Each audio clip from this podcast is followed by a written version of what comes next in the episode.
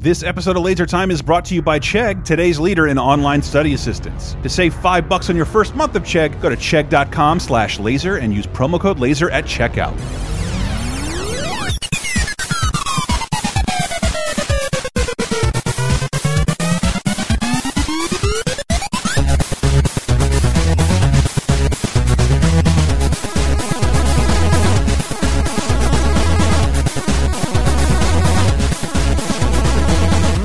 Gentlemen, not the latest, just the newest. It's Laser Time, the internet's 16th leading pop culture show. Uh, hi, everybody. You don't know how this works. We uh, give you a new topic each and every week. Uh, on this rainy Labor Day weekend, I am joined by just Sarah. Hi.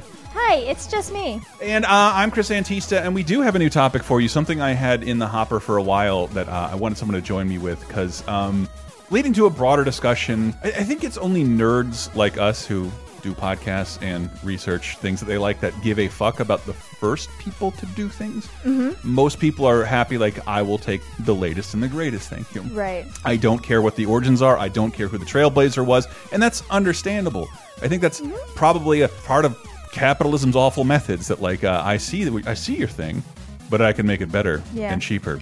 Well, and, and, I think also it goes to the fact that we are nerdy. We like working for our uh, the things that we like. So I guess like that's true. We talked about a little bit on 30 2010 about how like I've been reticent to get into anime because I feel like I have a lot of homework to do before I can really like appreciate what's out there. And I know that's not necessarily true, but that is kind of how I like to experience pop culture is by knowing mm-hmm. where all the references come from. I really I should I always I I play the person who hates anime. Mm-hmm. And I like I've seen Evangelion like 3 times. I've seen all of DBZ. I've seen it all and I have liked it plenty. And then every once in a while, someone's like, "I know you hate anime, but here's a recommendation you never take." And like, and like, I secretly did take your recommendation, and you're right. Black Lagoon was good, Sean, or One Punch Man was delicious. Ping Pong the animation was hysterical, but I just don't talk about it to torture you. Mm -hmm. To torture you, I'm keeping the character who doesn't like anime alive, and I, it it only makes these lists weirder because I'm trying to reach a broad audience. So whenever you bring anime into it, like, did you know? Some manga did this shit in the 1960s. well, I did because of my research, but it's not necessarily unifying or interesting or right. a touchstone that I can hang my hat on. But yeah, this is this is sort of like uh, I'm calling this exquisite ripoffs, mm -hmm. uh, ripoffs that we all kind of enjoy, mm -hmm. and there's so very many of them. Uh, and I didn't really know how to classify it. Sarah and I were talking earlier. We're going to save ripoff songs for another episode. Uh, spin-offs can't count because they shouldn't. They're like they are ripoffs, but they have off in the title. Right. And they're like building on a thing Yeah. instead of taking a thing and making Yeah, it's not fair to call. Frasier a ripoff of Cheers Right. because Frasier was in Cheers. Also, Frasier was like nothing. The sense of humor is like the opposite. That is the, that is well, true. and yet the same. No, I could I- talk about Frasier for a while. Okay, so we have to keep that to a minimum. Also, I wanted to start out people with something that happened recently that I thought was funny because it's acknowledged by a company that didn't sue the people who ripped them off. Are you aware of the character Deadpool? yes, Are you aware of the character Deathstroke? not less so. Uh, well, Deadpool is a kind of a joke, a parody of a DC character. Oh, and that. DC character appeared in Teen Titans Go uh, this summer and was voiced by Will Arnett, yet again, his second DC character. Wow. As if voicing Reese's and a Kit, the fucking Knight Rider car. What will what will Will Arnett not voice? I don't know. Uh, but he's voicing this character, and this is the Teen Titans Go uh, meeting a famous DC character. His name is Slade Wilson. Deadpool's name is Wade Wilson. Sure, It is. sure. It was a blatant parody ripoff that way overshot it in popularity, Uh-huh. and I thought it was uh, well encapsulated in Teen Titans Go to the movies. Stop right there! Deadpool? Deadpool? What? I, I'm not Deadpool. I thought Deadpool was a good guy. Why does everybody think I'm Deadpool? You got them guns! And the swords. Yeah, well, lots of people have guns and swords, okay? Nah, I'm pretty sure you're Deadpool. Look into the camera and say something inappropriate. Oh, I'm not Deadpool. I am the greatest, most feared, most nefarious, most ultimate supervillain the world has ever seen. I am Slade! I just love that they leaned in. I have not seen the movie yet. I just saw that in the preview, and I thought like that was it's very, very big of DC. they never made a lawsuit out of it and said they're embracing the joke. Yeah. And I just haven't heard DC, and you could go forever on DC characters and Marvel characters that are rip off or one of the other. I can imagine. Um, but I'm gonna try and stay away from that for a little while because it's very it's very difficult to pinpoint. The reality is, uh, DC invented the superhero, and Marvel invented the superhero universe. How about that? okay. Yeah. That sounds good. Yeah, where they share a world and all that stuff. Uh, that's that's all Marvel. They both did great things in the genre. How about that? And I only read go. Image Comics anyway anymore, so it doesn't matter. Uh, but no, I was going to get into a bigger one. Mm-hmm. The controversy of um, if you were offering me an Oreo, I'd say yum, thank you. If you were to offer me a Hydrox, I would swat it to the ground and vomit in your hands. Sure. Uh, That's the appropriate reaction. And my whole life, I grew up like, why the fuck do we have Hydrox? This is disgusting. Just quit going to that Winn Dixie. They never have the good stuff. but that, uh, and this is this is a, a terribly misleading commercial. I love it so much. These are cookies. Cookies are good to eat. Do you like cookies? I like cookies. Do you like this cookie? I like this cookie. This cookie is the perfect combination of delicious chocolate with just the right amount of vanilla filling. Do you know its name? Sunshine Hydrox? What? Sunshine Hydrox? no, no. That commercial felt like it was hypnotizing me or brainwashing me. I felt like I was about to be activated in some way. Well, Hy- Hydrox predates Oreos by half, almost half a decade. Wow. And Oreo swooped in. It- It's a hilarious when you read these dry wikis or articles from the time. I love referring to Nis Nabisco as National Biscuit because it seems like a Simpsons joke. Uh, National Biscuit, who clearly is the more evil company, Sunshine is the one we should have all rooted for. Obviously. but they were eventually run out of business by their own imitator. They they tried to hang their hat on the idea that like this is the original or first cream Right. sandwich cookie, and no one gave a fuck because I I think it's hard to know now because Hydrox still exists. It does. No, okay. I was gonna say I remember eating Hydrox occasionally as a child. Sometimes, Poor kid, were you in jail? Well, I did go to public Juvie? elementary school, but um, but no, I mean it was always at like maybe a school party. Someone's parent would bring in Whatever's at Costco. I believe my grandparents would sometimes buy it because they were in the my grandfather was in the military and they would get it at the commissary. Oh my god! And I don't know, yeah, and so all a bunch of unperishable food. yeah, weird. They would buy Comes with free Lucky stuff. Strike cigarettes. I love this place. Yeah, the commissary was a, a real trip, especially during the early '90s and '80s. But um, but yeah, were what was Hydrox actually not as good as Oreo? Though? I th that's it's hard to say now because the cookie that exists now is very similar to Oreo. I did as much research as one's going to do on this subject. What I can say is that the cookies originally were noticeably thinner. The Okay. cookies themselves and the layer of cream in between.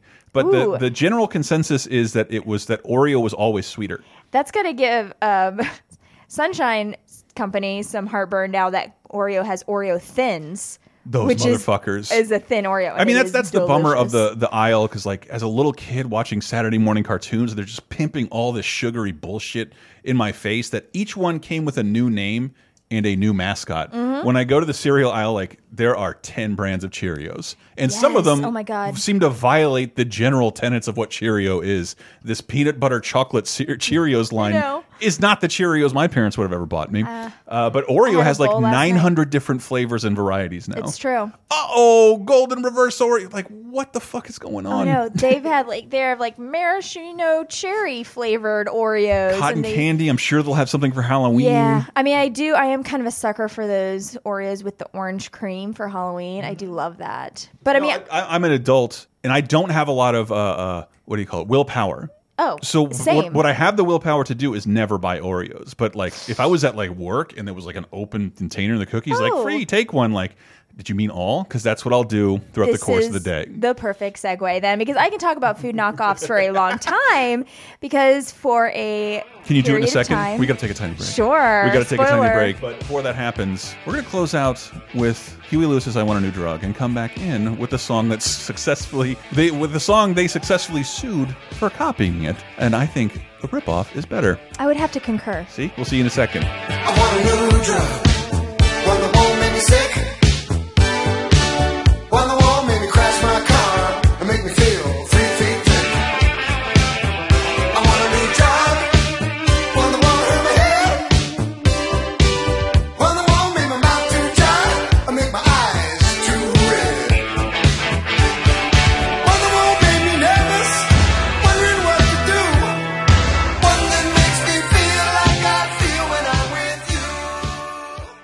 Ka College students, listen up because we have a great way for you to save some time and money this semester with today's sponsor, Chegg, today's leader in online study assistance. Ooh, better still, you can save yourself $5 on your first month of Chegg by going to chegg.com slash laser and using promo code laser at checkout. What is Chegg? Well, it is a much more modern approach to learning and studying. When I was in college, not only were there very few online classes, there were like no real online resources. All you had were textbooks that cost you hundreds of dollars, which they still do, I'm told. But whether you need textbook solutions or expert Q&A, there is no better tool to help you ace any class than Chegg Study. Even better, you can study at home on your desktop or anywhere on the go with the Chegg Study mobile app. Solutions cover subjects as diverse as accounting, biology, calculus to mechanical engineering. If you're studying for midterms, getting prepped for a final exam, or having difficult homework problems, you can master any class with the Chegg Study app. Need help with tough problems right away? Simply use the Chegg Study app to snap a quick picture of the problems not covered in your textbook, then submit it instantly to Chegg's experts, and you'll get an answer back in as little as two hours,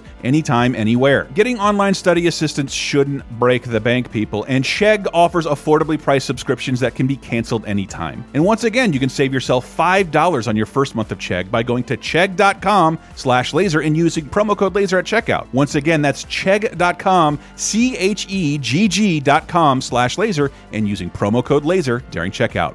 Would you like exclusive bonus podcast commentaries and more from the LaserTime crew? Then we strongly encourage you to support this show on patreon.com slash lasertime. It supports not only this show, but all the rest of the LaserTime network. You'll get commentaries, play games with the hosts, see exclusive videos first, and receive an uncut weekly ad-free podcast bonus time. Speaking of which, here's a quick taste. Well, I did celebrate my birthday all week long because I'm. And not in a way that was like obnoxious. Like everybody has to come to a brunch and then a happy hour, and then we're gonna do like a little hors d'oeuvres thing. Like, no, I didn't Really? do it That's like what that. it felt like. Okay, it's just because you see me four days a week because I, we're always podcasting. I'm just so. kidding. You did you did take me to a bar, which I was like, I have never seen so many Trump supporters in one spot Oh than this venue in Yeah. my life. Holy shit! Here's where they all hide. Yeah, it's in true. plain sight it of was this a little bit palatial restaurant. fancier little bar situation, but yeah, I don't know. I kind of felt like you know what? It's been a rough summer, and just like do all the things that bring me joy. So Mm. like I can't remember what I did on Monday, but like you know, Petty petty. no, No? that came later in the week. Anal we beaching? did. Stop. All right. We did trivia. Get Bonus Time, a weekly uncensored and commercial-free podcast every Tuesday, starting for just $5 on patreon.com slash lasertime.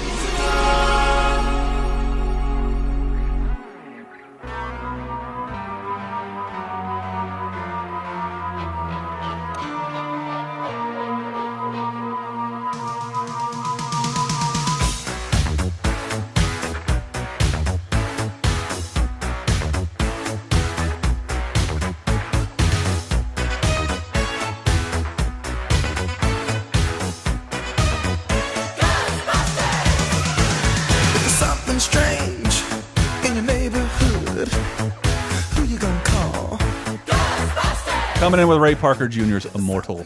Uh, what do you call that? Jesus. I am busting ghosts Bustin' edition. makes me feel good. I can tell you that. Everybody can tell you that. I prefer Neil Cicierega's Bustin', by the way. That is Oh. a fantastic remix that incorporates almost every instrument and word, Ooh. but just mixes it around. Love it. Uh, we're talking about exquisite ripoffs. Yeah. Ripoffs we like, and I pref I would rather listen to the Ghostbusters theme than Huey Lewis any day of the week. I know. For me, they're a tie. I do love me some Huey Lewis, compounded by the fact that apparently he's an extremely nice guy, so it makes it even better for me. But So yes, Ray Parker stole it. Yeah. But that song is about drugs, which I'm against. Sure. And ghosts, which I'm for. This that's is- a fair point. We're That the pro ghost really podcast. There's a better there's a better Huey Lewis song out there, and it's a theme to a better '80s movie. Pro ghost, anti drug. Right. That's what we all. That's what we say about you all the time. And that is Batista. also my kayfabe character. Off mic, I am way pro jug and terrified of ghosts. I'm pro both. I think you can be both. yeah. Um, but you were talking about foods. Yeah. Rip off foods. So I feel like I can speak about this extensively. We could probably do a whole nother podcast about it because I had to ask you about it the other day because it confused me. for a time I worked for Trader Joe's, and um, for those of you who are lucky enough to have a Trader Joe's in your town where There's one live. here, so that ha they have to be everywhere. This this town was ten years late to. Starbucks. Yeah. So there's you gotta ha know what Trader Joe's is. Trader Joe's is rapidly expanding, but in case you live in a place that doesn't have Trader Joe's and you're not aware necessarily, like I would say 95 to 97% of the products in Trader Joe's are Trader Joe's brand or Ho- Trader Jose or I mean, they don't, they don't give a fuck. I don't love that. I don't love that. Um, but yeah, and there when I first started working there, I helped open the one here in Tallahassee. Mm-hmm. And so when I first started working for them and I was learning all about it, I, and I was a huge fan of Trader Joe's before they even came to Tallahassee. Every time we go to San Francisco to visit, I would be like, "Take me to your Trader Joe's." Mm-hmm. Yuck! I've eaten every product in there, and I'm sick of it all. I'm kind of on that point now. But anyway, so I worked for Trader Joe's for a while, and one of the things that we learned was that basically Trader Joe's like goes. Part of their thing is that they go throughout the world and find like artisans who can make things for them that they love, and then Mm-hmm. they just pay them a shit ton of money and slap their name on it and they call can promise it. we'll sell more of these like- under our name. Yeah, you can continue your own business, but please make these Trader And Joe's. so I think that's like it's what it's Costco's model too. It is. except that there's no gate to it. You anyone can go into Trader Joe's and buy the shit. And so, I mean, I'm pretty sure that's where like their pizzas come from. I'm pretty sure that's like a little artisanal company. And but like other Secretly a Red Baron pizza.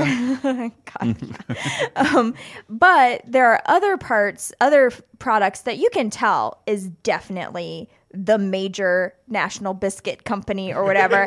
and they've just gone to them and they've been like, and churches will go to them and say like, hey.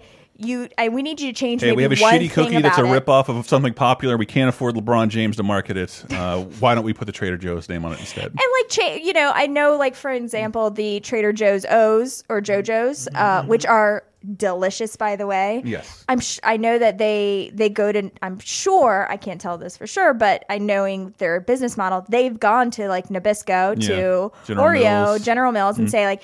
Hey, we our deal is that we don't make anything with artificial colors Mhm. or flavors or preservatives. So can you make us an For Oreo? lemon, everything there tastes like fucking lemon because there's that's their lot. preservative. Yeah, it's true. It's true. But Ugh. like for the JoJo's, I know that that's probably what they did. And so Oreo made them a Oreo that doesn't have any it doesn't have any preservatives or colors or flavors in it. So rotting That is Oreos. why when you get a box of JoJo's, it tastes like the best Oreo you've ever had for about 3 hours.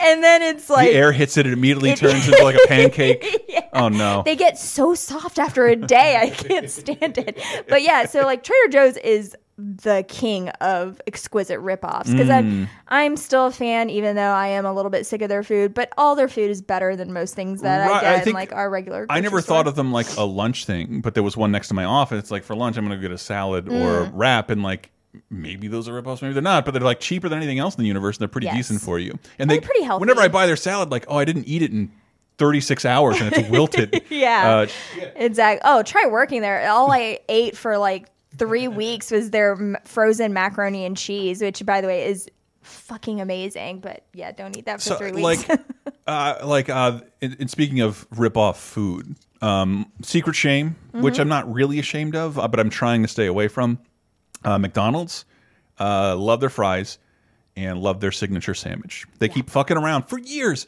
They've been fucking around with other sandwiches and none of them have stood the test of time except maybe the quarter pounder. I don't consider that a signature sandwich when the the thing is the meat is bigger. It's, the, it's the same as the as the cheeseburger. Yeah, it's kind of gross to be honest. but you the- don't want to eat that much of that amount, that kind of meat. Well, speaking of a the Big Mac, Yeah. like every time we have a discussion, like what's the best fast food burger, and someone's like jacking off over In and Out, Mm-mm. and like I would rather have a Big Mac than anything you're talking about. Like I've had all of those. Fuck the Whopper. Fuck whatever's Wendy's doing with its fresh beef. It's square. Did you know? It's it. I did because I worked there. Ooh. I I know I've said that before, but like I worked at Wendy's for four days because that's all. It wasn't because I, that I "Oh, fuck this, I quit. It's like they never called me back because to work at Wendy's, you got to know how to like make food. Yeah. McDonald's takes all the guesswork out. It's frozen. Stick it in here. The microwave. Ding it. Bing. Mhm. It's done. You're a chef. Uh, it- flip a burger. No. McDonald's has a top side cooker that cooks the top side of the burger and the bottom side at the same time where i was trying to make a square burger at wendy's they pretty much they nicely fired me by not calling me back because i couldn't do it i couldn't do it uh, but but the big mac is delicious i didn't know it was a ripoff and this is like this is a stupid personal memory Okay. uh, of Bob's Big Boy Double Decker. hmm And you can clearly trace back why it's a ripoff because no other sandwich in the fucking universe still has a third slice of bread in the middle of it. It's Um, the moist maker. I don't know. That's I- a joke for Friends fans. And I don't know why I like it because, like, I don't like that much bread. I think it, I so like the sauce. I think the Big Mac is a special alchemy of the sauce Mm-hmm. and a mixture of textures. You're right because when they they recently had the Mac Junior and the and the Grand Mac, a bigger and it's a Big Mac with quarter pounder beef in it. oh my god! And How it was like put that in your mouth? And it was like, wow, I did not know how delicately these were proportioned because these both suck and they're the same ingredients, but Oh, too much of uh, one or the other. Ugh. the structural integrity of a Big Mac is a thing of beauty. it's like a delicately made bridge. oh, I didn't know they ripped off Bob's Big Boy. And, and as a specific, since we talk about old memories on Laser Time, I never heard of Bob's Big Boy, except I remember my mom and dad back in our one TV household watching a news story Mhm. about how Bob's Big Boy is failing. Because when they were little kids, that was the big chain, and it had the Lard Lad Donut guy from The Simpsons is like a parody Yes. of Bob's Big Boy, the Yeah, guy yeah. holding up the big burger. And Big like fat little boy. it was this news story like and people this once divine institution now sees vandalism on a regular basis to its iconic Bob's Big Boy and they showed like all over the world like just people like drawing dicks and butt cracks all over this poor Bob's Big Boy and I never I, for some reason never forgot it like I I, I learned about that Mhm. restaurant they still exist I think but I've never been to one but they created like 20 years before McDonald's created the original Big Mac with the special sauce and the oh I don't know what the ingredients are in a Big Mac you'll have to sing about it for me but uh, the uh, the signature sauce and the the bun in the middle. But you have to understand, working at those fast food places, they try and make shit that like. Remember, I worked at McDonald's when they came out with the Arch Deluxe, the grown up burger, Wait, what was that again? the burger for grown ups. Oh, okay, that's what right. they should have called it is it's all the same ingredients as other burgers with different with different expired mayonnaise and a caulking gun, and it had like a Dijon. Didn't it have a fancy lettuce on? Like it had like No. a. No, I think they had a. They might have had. I'm not sure if it was the Arch Deluxe or something else, but a circular slice of bacon. Ooh. But it's just fucking bacon. Yeah, yeah, okay. But the only thing really different about it was the different caulking gun sauce, which is literally in a caulking gun. Holy shit! When sh shit Steve threw that at me and it hit the floor on the back and like squirted up like a geyser, and we hit the ceiling with Big Mac sauce. It's hilarious. Anyway, that's that's all the food stuff I have. I wanted Yeah. to get into more um, entertainment based stuff. Uh, because it, this this sort of ties back into how I met Sarah, or wh when I remember really starting to hang out with you. Does That's sound, true. Sound familiar? Yes, Those are Guitar Hero fail noises. that's right. Uh, and I love the phenomenon of Guitar Hero and just the phenomenon of games in general because, like, there aren't a lot of rules for this. You'd think uh, every time I looked into this kind of stuff, I I think someone would be protected. Mhm. You come up with this interesting new thing, and someone makes a blatant ripoff, you would be able to sue somebody. And I know what you're thinking, Guitar Hero Rock Band. I'm not going there yet Hmm. because uh, the Bemani fans, Bemani, whatever it's called, Konami in Japan, you still, I mean, you still go there and they have Drum Mania, Guitar Freaks, and DDR. Mm-hmm. So Dance Dance Revolution, you know what that is. I've seen I've seen one Guitar Freaks arcade machine, but I think they had a PS1 version. But Guitar Freaks was a three button guitar shaped controller. Although instead of like lifting the uh, neck to Mhm. like really, that's that to me is like signature to that that brand. Yeah. You had a knob that you'd fiddle to like change the style of your music. Okay. Which is probably more accurate to a real guitar. so Yes, you'd probably. like a real, but the the addition of the the whammy bar and the lifting the neck to Mhm. activate star power or overdrive. Mhm. But that predates Guitar Hero by six years. Oh my gosh. Six years, and like it was, Holy it wasn't until 05 where we even got Guitar Hero, Guitar Hero at all. Yeah. And I remember we like some one of your friends had it, Mhm. like Jared or Daydream or somebody. and Someone, yeah. We played the it. would there was nothing wrong with it. It had no real licensed music. It was all fucking Kidz Bop versions Yep, yep. of real songs, and it was transfixing. Everybody was fighting I over who could play it. It was awesome. It was a fun party game for sure. And like when I was in grad school, we a bunch of us nerds, nobody, not the kind kind of nerds who play video games, like Mhm. fucking book nerds. That was like the only thing we could play, and so we would get together and do rock band together, and it was always a fight over who would do the song and who would do the drums because Maps was always the funnest one to sing. Well, that's that we got to get into rock band. Sorry, We'll talk about drums. Didn't mean to fast forward. But I just like I love I spent I think the better part of my video game podcasting career making fun of Guitar Hero as you should. because it was man it was disgusting what they did with that franchise. I believe going into Guitar Hero 3, hmm I think Activision it's like this the number one third party not Nintendo game on that system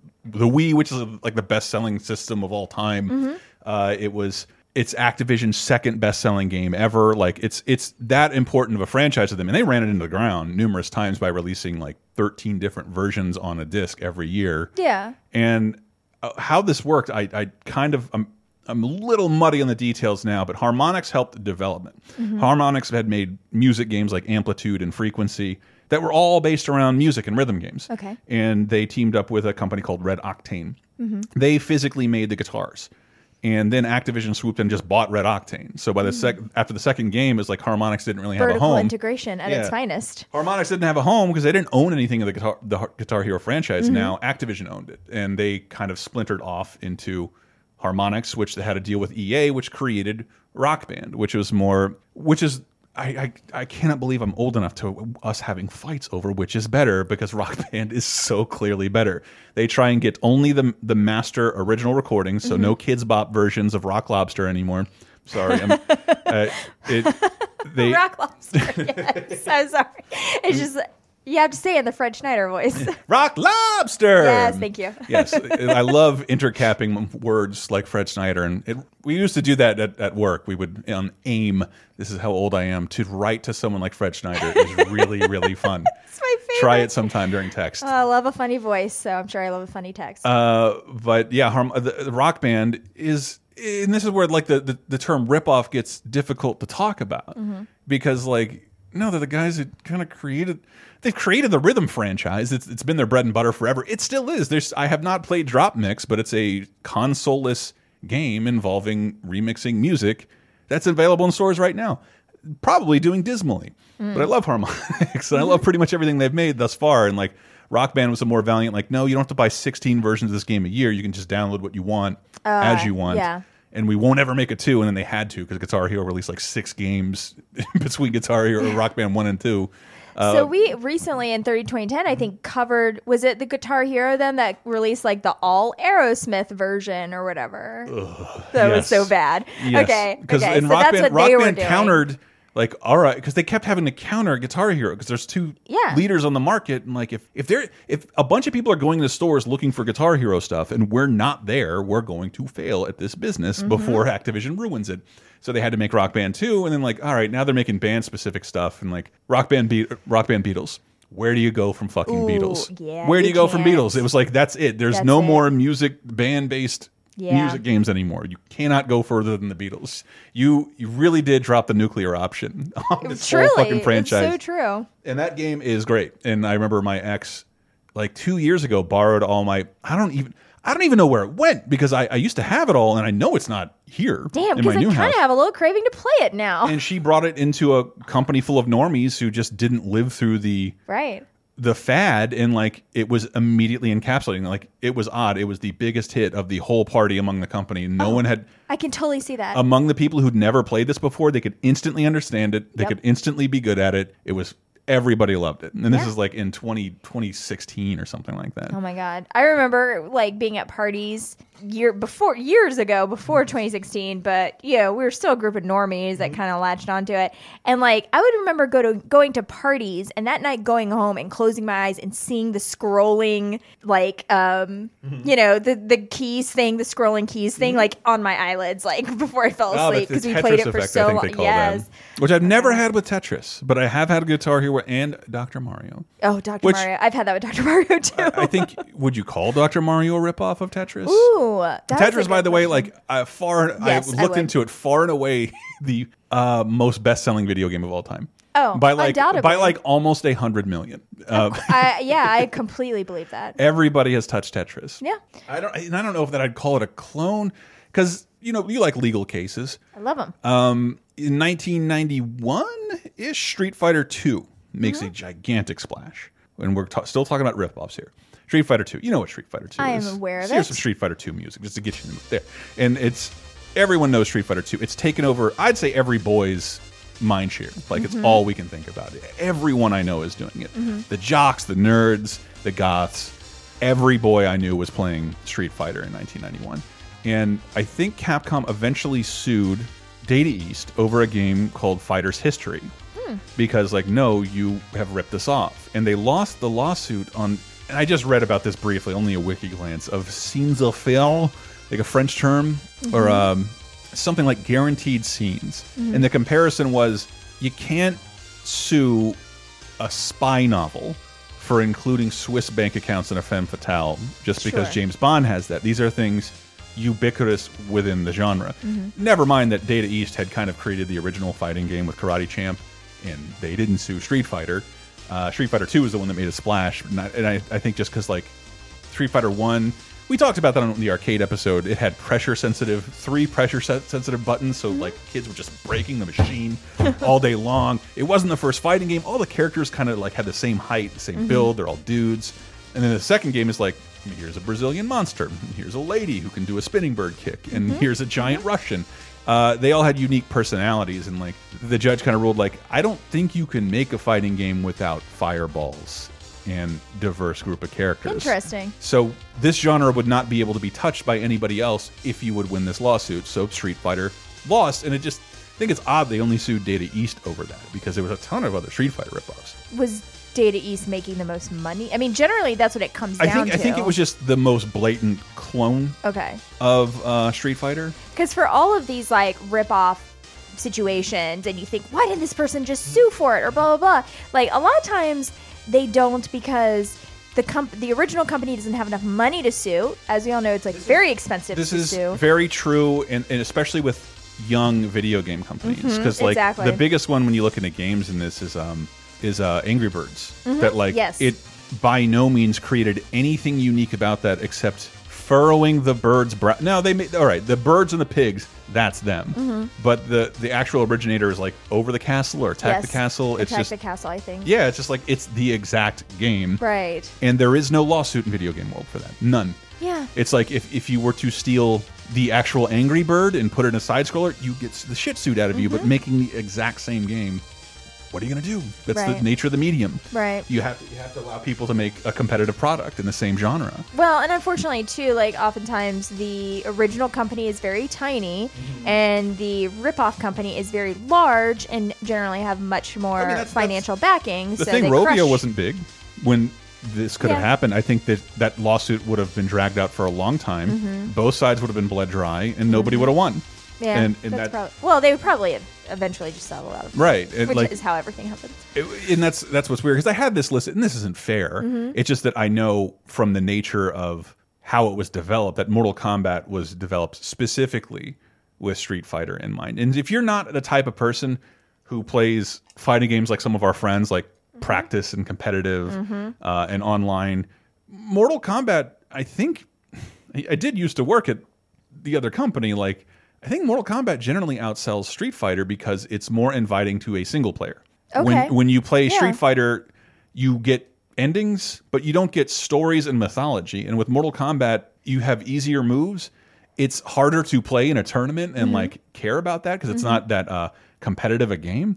But it was always the more acceptable, the more easily adoptable game Accessible. accessible there i'm accessible the more accessible game yeah. because it, it like you don't need friends to play it with i remember with both games playing through with every character but it was more rewarding to do that with mortal kombat because you got especially as the game went forward and it got even sillier it just had story modes and all this giant mythology where street fighter had like paper thin Right. uh, descriptions on events and characters Yeah.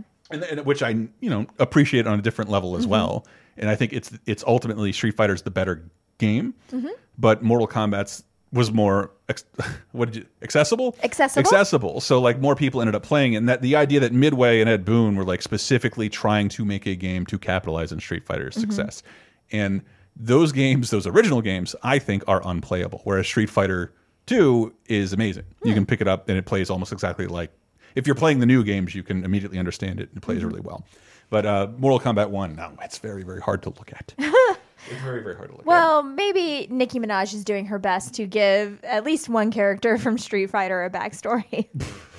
I don't get. Oh, she did this. I think that was officially licensed. I- Chun-Li. I, didn't find out about that shit except through my How old crazy is that? My old coworkers' accounts. So like the fact that they were tweeting out meant that was okay. it was okay. it was somehow official. I saw that and I was perplexed and intrigued. As a fan of Nicki Minaj and less so of Street Fighter. those those characters, uh, Street Fighter characters, I, I believe, you know, according to the old internal docs, are the second most recognizable video game IP in the world, right behind Really? Mario. Yeah. Oh, I yeah, I mean, I mean, maybe Angry Birds has changed that a little bit because they got a movie that was well Yeah. received, and if Yeah. you listen to a Laser Time episode on like not according to us but critics, Mhm. that is the highest scoring critical video game adaptation of all time. Okay. The I Angry can Birds see that. movie. I can see that. I don't make the rules. No, I no, would have chosen Robert Patrick's Double Dragon. uh, uh, uh, but I don't know if I had any more in terms of games because games like here's an, a, a modern example that Mhm. even you would have heard of. Okay. What's the biggest? Even me. How Yeah. dare you? Yeah, yeah the, yes, the one who doesn't. what was the last game you played? Well, I know what it was because we're both playing it on our phones. yeah. Um, it's a phone mom game though. It's not but on a controller. oh no, never. What was the last? What's the last big game you've heard of that's in the zeitgeist? Um I mean, besides like seeing commercials for it, but one that I've been like I had some sort of The one you've heard talked with? about on NPR. Oh, I was okay. Well, I was Just say, gonna Fortnite. Oh, okay. I was You know what I'm talking about? that. Yes, I was going to say Assassin's Creed. That's a worldwide phenomenon, Yes, Fortnite. yeah, yeah. And it is, and I lo I told my my younger cousin that he's like Mm-hmm. 19 years old, and like him and his buddies are all about fucking Fortnite. And I'm like, oh, I played Fortnite. Um, yeah, they gave us a copy before. 'cause I was I'd been interested in Fortnite for like since 2012 when I Mhm. saw the game revealed at E3, and it was completely different. And it, he's like, they sent you a copy of Fortnite, and like. Yeah, and like nobody was playing it, and it had nothing to do with what you're talking about now. It was a not a Minecrafty game, but a game where you fortify yourself with with multiple players. It's not PvP. You didn't play a lot of other people. And, and what we played, we streamed it like a week before it came out. It's on the LaserTime YouTube, uh, and you can see Dave and I playing it. When it's like it was a game you paid to play, you paid for, and there was a dickload of uh, monetization options. Hmm.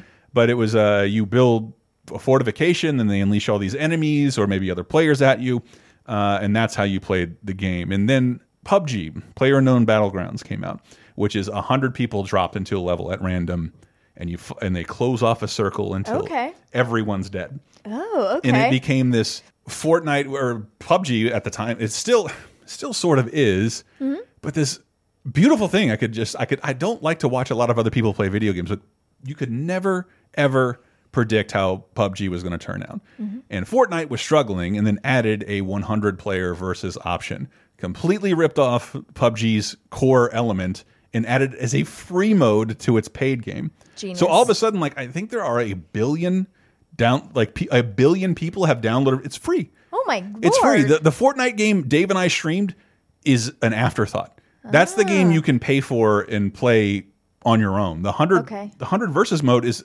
brilliantly something they they pulled together with existing assets of a game that wasn't selling very well, and now it's the most talked about and most played game in the world. I mean, yeah, I It's completely overshadowed the game that also didn't create the 100 versus genre. It just refined it and popularized it the Mm-hmm. most. Uh, now Fortnite is far and away beats Player knows Battlegrounds. That's crazy because I mean, yeah, like the the re- the thing I know the most about Fortnite, I know from listening to Never Not Funny, and that show is made by the oldest, squariest, old fart white I'm a dudes in big the fan of world. Fortnite. Big fan of Fortnite. Yeah, It's by Jimmy Pardo. and they talk about it all the time, and I'm like, Gotta get those llamas. Get them. if these old square assholes know about it, then it must be popular. It's it's the oldest I've ever felt because like you can watch us play the original Fortnite. It's really fun. I get it. yeah. but the build the building and while shooting people constantly coming at me was like i can't even do this. I'm having a real hard time doing mm-hmm. multitasking. I feel old as shit. So i can't hang with fortnite. I played it plenty. I have it downloaded on any, every system it's available for Yeah. but i can't really hang competitively. I, I just don't have the reflexes to do both of those things even though i was playing it earlier than any of you were. It's i just was. It's just the facts. But fortnite is an example of a exquisite ripoff Mm-hmm. it was an afterthought to the original game. It was a ripoff of a popular mode. that all other companies are ripping off right now. We have a we have a couple more of these to rattle Yeah, off, yeah. and of course we want to hear yours, and we can talk about it on bonus time, the show we give out to patrons at patreon.com/slash lasertime. So stay there real quick, uh, and we'll be right back with more exquisite rip-offs.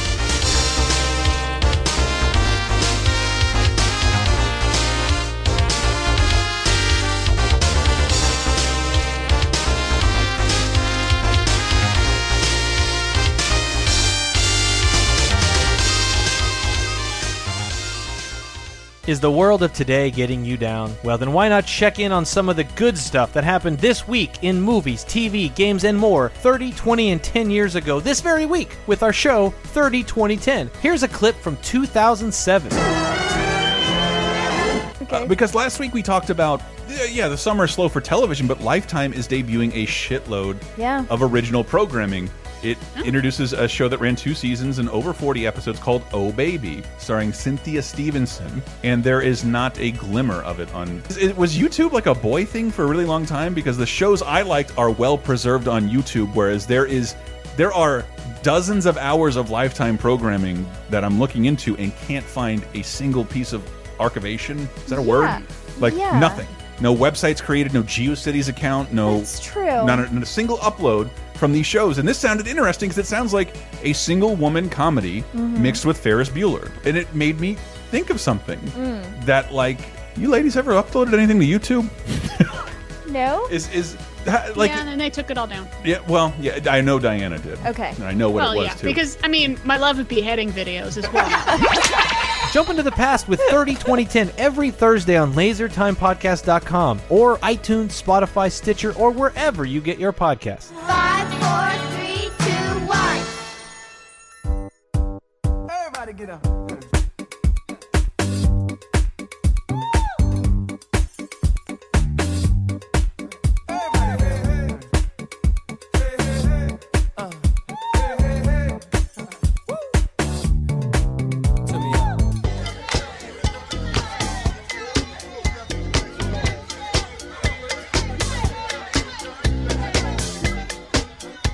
Coming in with that controversial is it stolen or is it not the marvin gaye riff for blurred lines Mhm. um i don't see it I don't know. It's a close one for sure. It's like they sound similar, but even if they do, like sampling's legal. Like, what's the problem here? Wh why was this infringement Yeah. necessarily? And then they're not the same. They're not the same at all.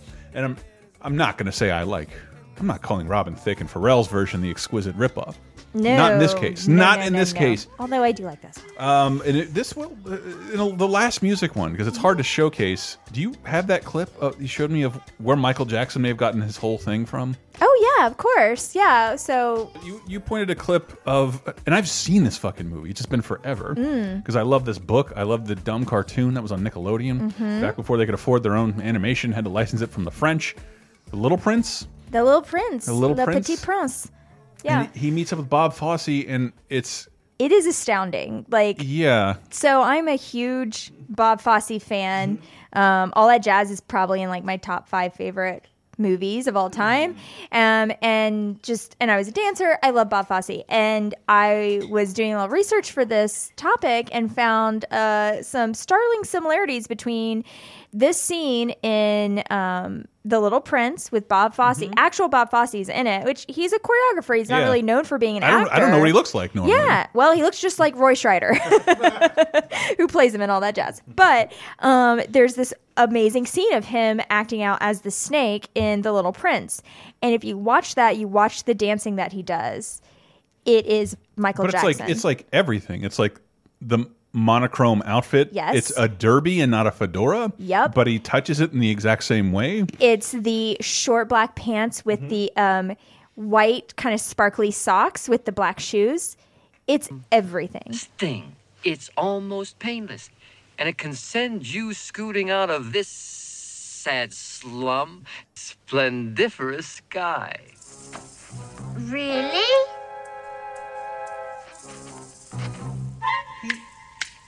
If you would... even doing the snaps and the iconic foot poses. He's doing the snaps. He's doing the arched foot pose.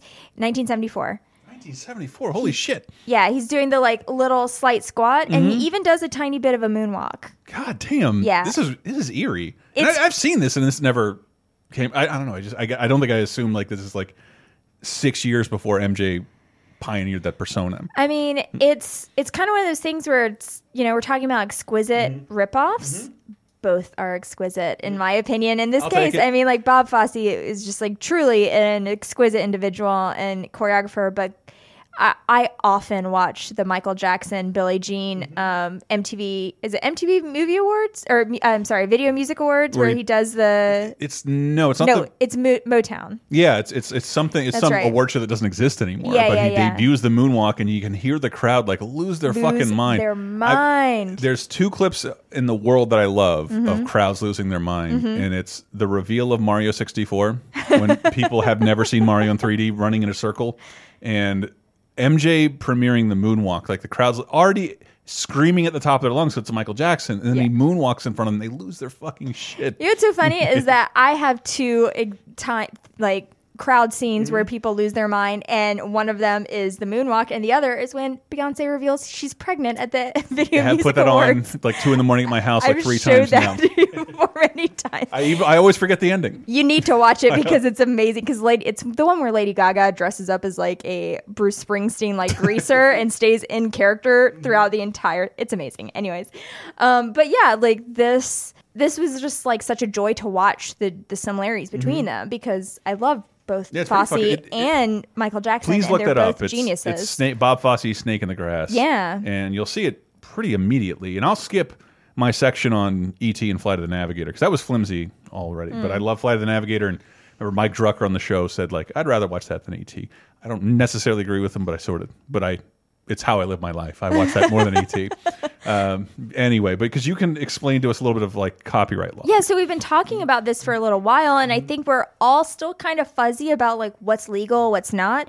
And unfortunately, like copyright law isn't super nailed down to begin Yeah. with. Like, it's kind of like how the Supreme Court famously said, you know, I don't know what pornography is, but Mhm. I'll I know it when I see it. It's kind I, of I remember my buddy. I had a buddy who was going to go into copyright law with the express i- intent of like figuring out how to make games lost to like companies available to Mhm. everyone. And it turns out, well, there's not really any money in that, and like unless there's money in Right. it, like you'd be devoting, you'd have a shitload of student loans and be basically working pro bono for the internet. exactly. and the internet does not pay well. No, no. this, this is before Indiegogo. but I mean, like, and and that's really what a lot of this comes down to is where's the money. Mhm. So you know, we talked before about like if you're a tiny company and you are getting ripped off by a giant company, you're probably going to get like buried in legal bills before you can even like really see any vindication. Um, like, so that's why it was very hard to research for this Mhm. a lot of ways because. I'm sure a lot of what we see is ripped off. We don't even know what the original thing was because that thing's gone forever or Yeah. that company's gone forever. Um, but looking into it, I mean, basically, the idea, the basic idea of copyright law is that you can't copyright an idea, you can only copyright an execution. A thing or a trademark. Yeah, Like well, I could make a, I could make a movie about a boy wizard in a wizard school all I wanted. Right. But if I use any of like even I think the spells. The execution of it, yeah, yeah. like the way the that Harry Potter spells. Right. If it was like a, if he got to that wizard school through, you know, train. running through a door or Ah. running through a uh, wall at a train a station. code. That's the execution part that, that you're going to get Mm. nailed for. And trademark is a little bit different. Trademark actually refers to um, the symbols of a company's or a, a, an a company's or an entity's goodwill and Mhm. reputation. So it's like a tiny bit different, but it does like play into a lot Sure. of this stuff. Um, but f- the idea with copyright is that once a thing, so if you are a creator, once a thing is recorded, Yes. once a thing is c- recorded, it's technically sort of copywritten, even without you having to apply for any sort of copyright. So, like, once you have record a piece of music or something like that, and it is it's down, it's not just an idea in your head. That's something that you can take and say, like, this was stolen from me in a way. Now, what that comes down to is the way you prove that is that there whoever has ripped you off You have to prove they saw your you have to show that there's access Mhm. and substantial similarity. Mm. So they have to have been able to have access to the thing that you're claiming they ripped off. And then there has to be a substantial similarity between your thing and their thing. So, of course, that is a question that the judge or the jury has to answer. has to decide whether Yeah. somebody made a willful intent to No, actually, it Oh, doesn't really? have to be willful. No so, so copyright law is a strict liability situation. unless you're Carlos Mencia. well, in the court of public opinion, anything goes. Mm. But um, but yeah, strict liability also comes into play. Which strict strict liability basically means that you are liable for a thing. Mm. Regardless of whether or not you had any sort of intent.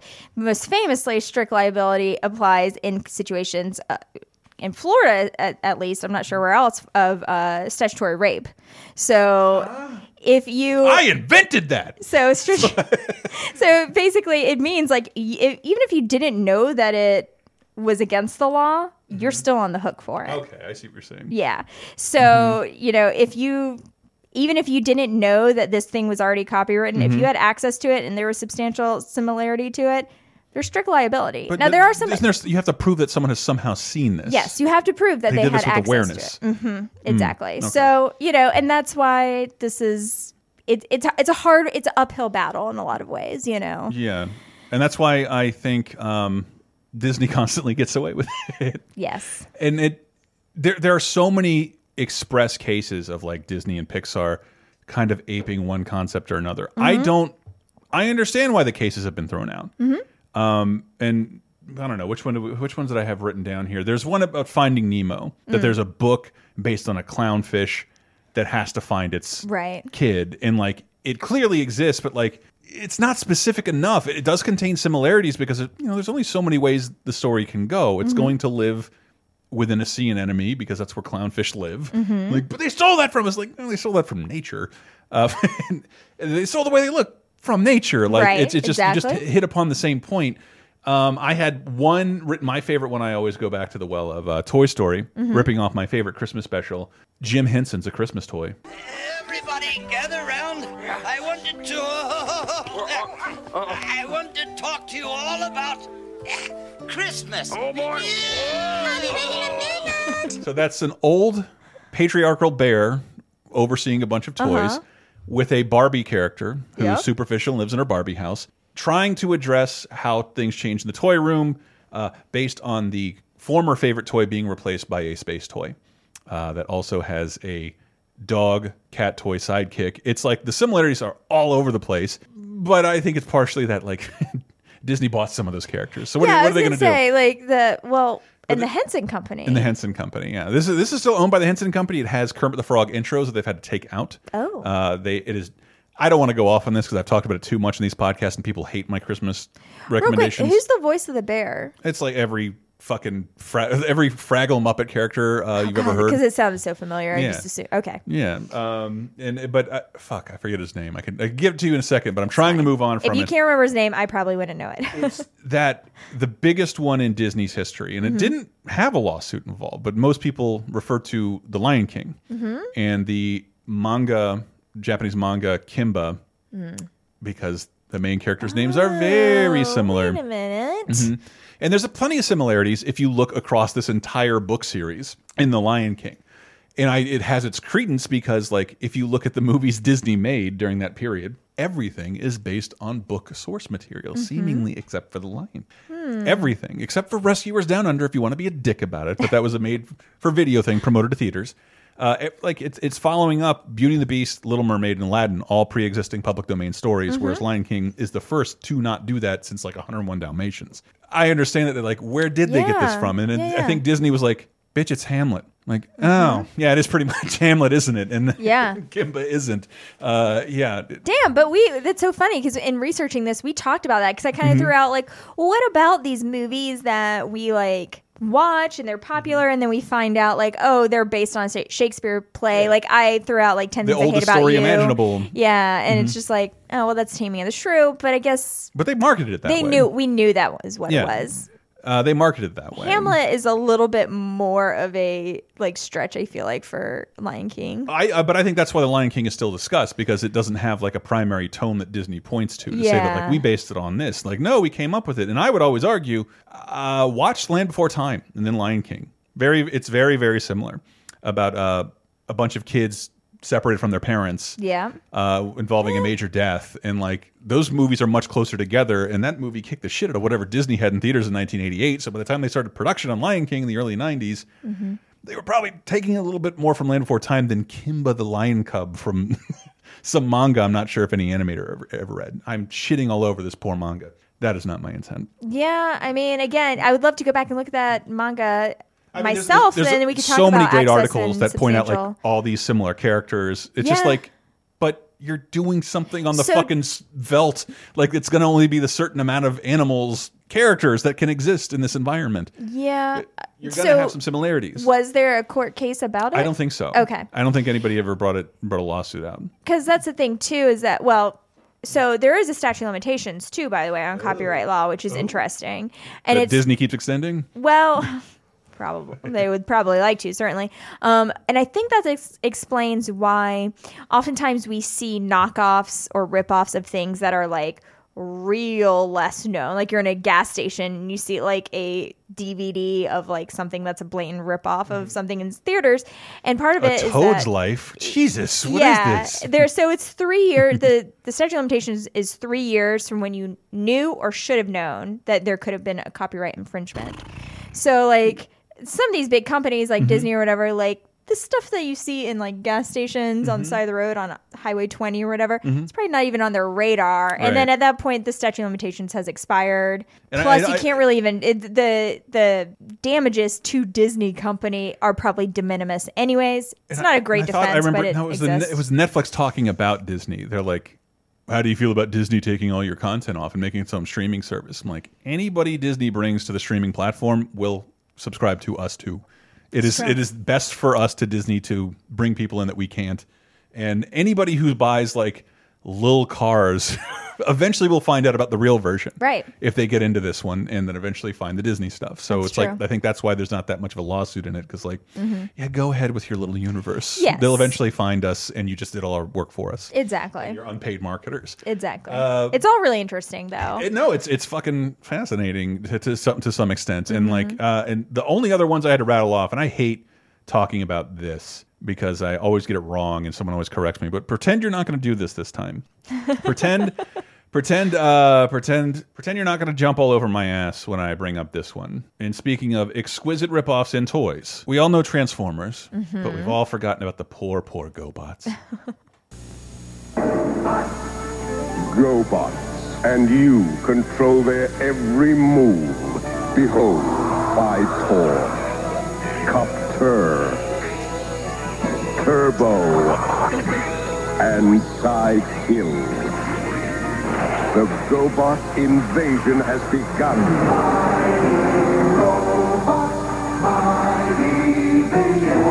So I grew up remembering Transformers being the ripoff of GoBots Mm. before I kind of got out of the scene altogether. Mhm. Uh, whatever the transforming robot, but this is it's mostly parallel thought. Thought, however, the fascinating story of GoBots and Transformers. GoBots comes first by like two years, oh wow. and and the idea that like it doesn't matter now because like we were speculating in the Henson case.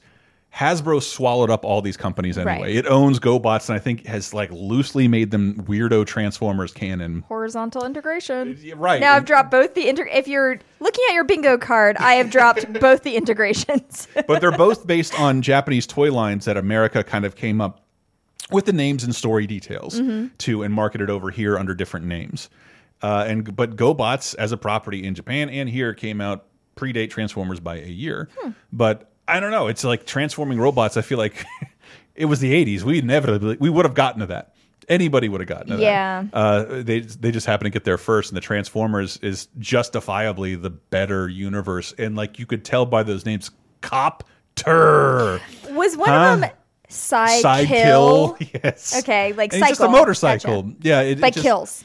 and- Gotcha. oh man, we lost Steve Ditko this year, and like that's someone sent that to me. Like, why did you send me all these GoBot books, Caleb? And he's like, look who the author is, and it's like Steve Ditko. After he refused to work Mm. for Marvel, he ended up drawing fucking GoBot books Mm.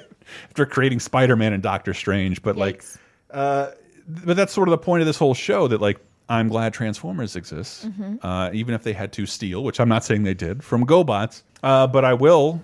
I, I love pointing this out. Uh, Garfield. Garfield. Back when I wrote about it for a cartoon Christmas, I, I'll I strangely have to defend to the death uh, some of those Jim Davis animated specials. Garfield Halloween and Christmas specials are really good. All written by Jim Davis himself. Mhm. Very very good. Um, but Garfield is a at the at the time I wrote about that a few years ago, it was a multi-billion dollar business all over the world. Garfield in and of himself is worth 1 billion dollars. The original Orange Fat and Tabby Cat. Uh, assuming you're going to completely forget about Heathcliff. Heathcliff predates Garfield. Oh, and a big shout out to Jesse Eubanks in the Laser Time Facebook community, who's Oh my god. since Garfield's These are amazing. what is it third, 40th anniversary is is breaking down every one of those comics every day, which makes me question ever loving comic strips to begin with. I mean, yes, they the LTC. Yeah, he's doing a great job. it's a on one sentence. Garfield has a distaste for dogs, resorts to violence. I'm like, yeah, that is all there was to this. Why did I find this so entertaining at the time? When in hindsight, fucking Heathcliff, Heathcliff, you remember this theme song, uh, fucking 80s kids, even if you don't like it. Oh! This show predates Garfield's TV show. So I would say Garfield, I love Garfield because of his, not just his comics, but his merchandise, his specials, and his cartoon. The cartoon Garfield and Friends is really good. Yeah. This cartoon sometimes looks better. But what if I told you this isn't even the first Heathcliff cartoon? God! We're through the looking glass, people. I that Heathcliff and a dingbat, a fucking word Sarah's brought in my lexicon, constantly referring to my cat as one. it it's this cartoon aired a few months after Garfield's strip debut. Mm. Who's the sassiest, brassiest, classiest cat? Heathcliff! Who's got charm? Who's got warmth? Who's got style? You can bet he'll never get caught in the dog catcher's net. This is ni October of 1980, voiced by Mel Blanc, which he was through most of his animated appearance. Heathcliff. And, and Heathcliff is like, it's sadder than a Hanna Barbera licensing when you occasionally see a Heathcliff game or app in the store. Like, Mhm. oof, you had to go with Heathcliff. But it's a comic that's still being made, and like, dude, in looking at those first Garfields, like Garfield is this fat, like 70s looking cat, doesn't, and slowly looks more like Heathcliff as it goes on, and nobody sued, nobody, everyone like would shit all over Heathcliff to save Garfield in the fire. It's Like true. it, and like it doesn't make any sense. And technically, we should all like Heathcliff more. Garfield's a lazy, sarcastic cat Yeah. who doesn't like the people in the world who are nicest to him. Heathcliff, his dad's a convict. He can steal cars, like beats up dogs.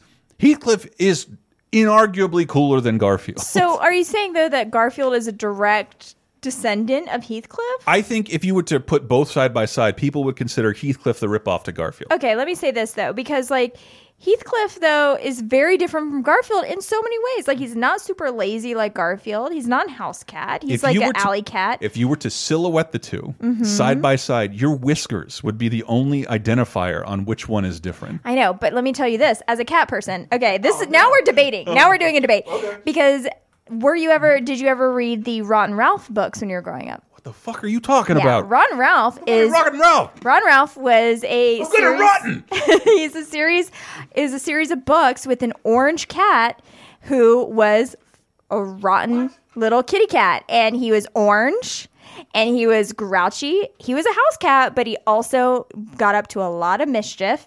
And he came into like around 1976 or so. Like it was a huge thing when I was uh, growing up and really influenced my own fiction writing as an elementary school writer. I have seen this, but Yeah. like, but this is after Garfield. Nope. Really? He's created in 76. He's predates Heathcliff by almost one year. Hmm? Oh my God, Rotten Ralph. I, why? Why are you familiar with it? because I checked out his books when I so I had an orange cat when I was growing up. I checked out his books in elementary school from our school library mm-hmm. because it's an orange cat, an orange grouchy cat, and that was my cat growing up and I fell in love with Rotten Ralph. It was like my favorite thing and I wrote I actually wrote like a series of books when I was in elementary school that like were about my own cat Spencer, an orange cat who was Uh-huh. kind of rotten. Okay, but you know what? to further my point about Heathcliff being the originator, therefore better, he doesn't have garbage ape. And garbage, What? garbage ape is the weirdest internet meme I've seen that spawned from Heathcliff, but garbage ape is a thing. Just do yourself an, Okay, a favor and Google garbage. I'm just saying, everything comes from Heathcliff something. and the cats all worship garbage ape. Look Uh, into Rotten Ralph is what I'm saying. I, I just like it seems like something that was a little younger than me because I think it was maybe had a series like after I was too old to care about Rotten. what Ralph. Rotten Ralph? Yeah, because he does look vaguely familiar. Maybe, but I mean, like the books definitely predated you, like the picture books. Damn. Well, I'm gonna have to rattle all these off uh, because we got to get the fuck out of here. Sorry. No, because like the, the most. I just had to come in there with. the most interesting one was probably Legos and the Kiddicraft stuff. But if you've Yeah. lived on the internet long enough, you've read the stories about it. But just like it, it's got such a tragic tale because the creator of Kiddicraft, these interlocking blocks that Lego just ripped off wholesale. Yeah. And he and the guy, the kind creator of unapologetically. has this story of like I was worried about the hygienic nature of wooden toys, so I wanted to make something plastic. So he invented Mm-hmm. invested into making plastic toys, and that ended up making like a Lego thing. And Lego, which made wooden toys before that, just sort of sold, stole it wholesale, like even down to the specific design. Even like your Lego ripoff blocks have like one thing that's not quite Lego about it, like Yes. it's not the right mixture. Or the like the interlocking grips are a little different. This is exactly the same with the Mm. same components. And the inventor of Kiddicraft blocks ended up killing himself as his company failed. oh And my god! Only in reading about it more is like his wife was like they didn't. He never saw that he was ripped off to this extent, but he did. He he didn't live to see that. The company was failing anyway. Okay. Uh, but like they, they didn't make it like you know Lego wasn't an international phenomenon until Mhm. like this the 50s or the 60s. Uh, he was he was dead by 57. But like yeah, the creator of the original Legos like committed suicide. uh, never got to see the success the success of his uh his, his stolen empire. Glad we're ending it on a high note. Uh, I just saw Shin Godzilla again. I wanted to give a shout out to Gamera because Gamera, seemingly on paper, is everything I hate about the DC universe. It it tried too fast to become what Godzilla is. Uh, watching Shin Godzilla and the original Godzilla, they are very serious movies. Mhm. I, Godzilla is not a ripoff of King Kong in any way, in my opinion. It's totally different. And Gamera was like just real fast, like. No, Gamera's friend of children. God, the first Godzilla and Shin Godzilla is like, no, this is the enemy of people breathing. Like Godzilla hates everybody. He doesn't Okay. distinguish you as friend or foe. You're just a fucking thing he'll stomp on. Sure. But Gamera was immediately like, I like good people. Oh, and okay. I fight for good. I wrestle bad monsters exclusively. Uh, and I did want to give a shout out. Of course, I had to give a shout out to um, Fast and the Furious, which is a.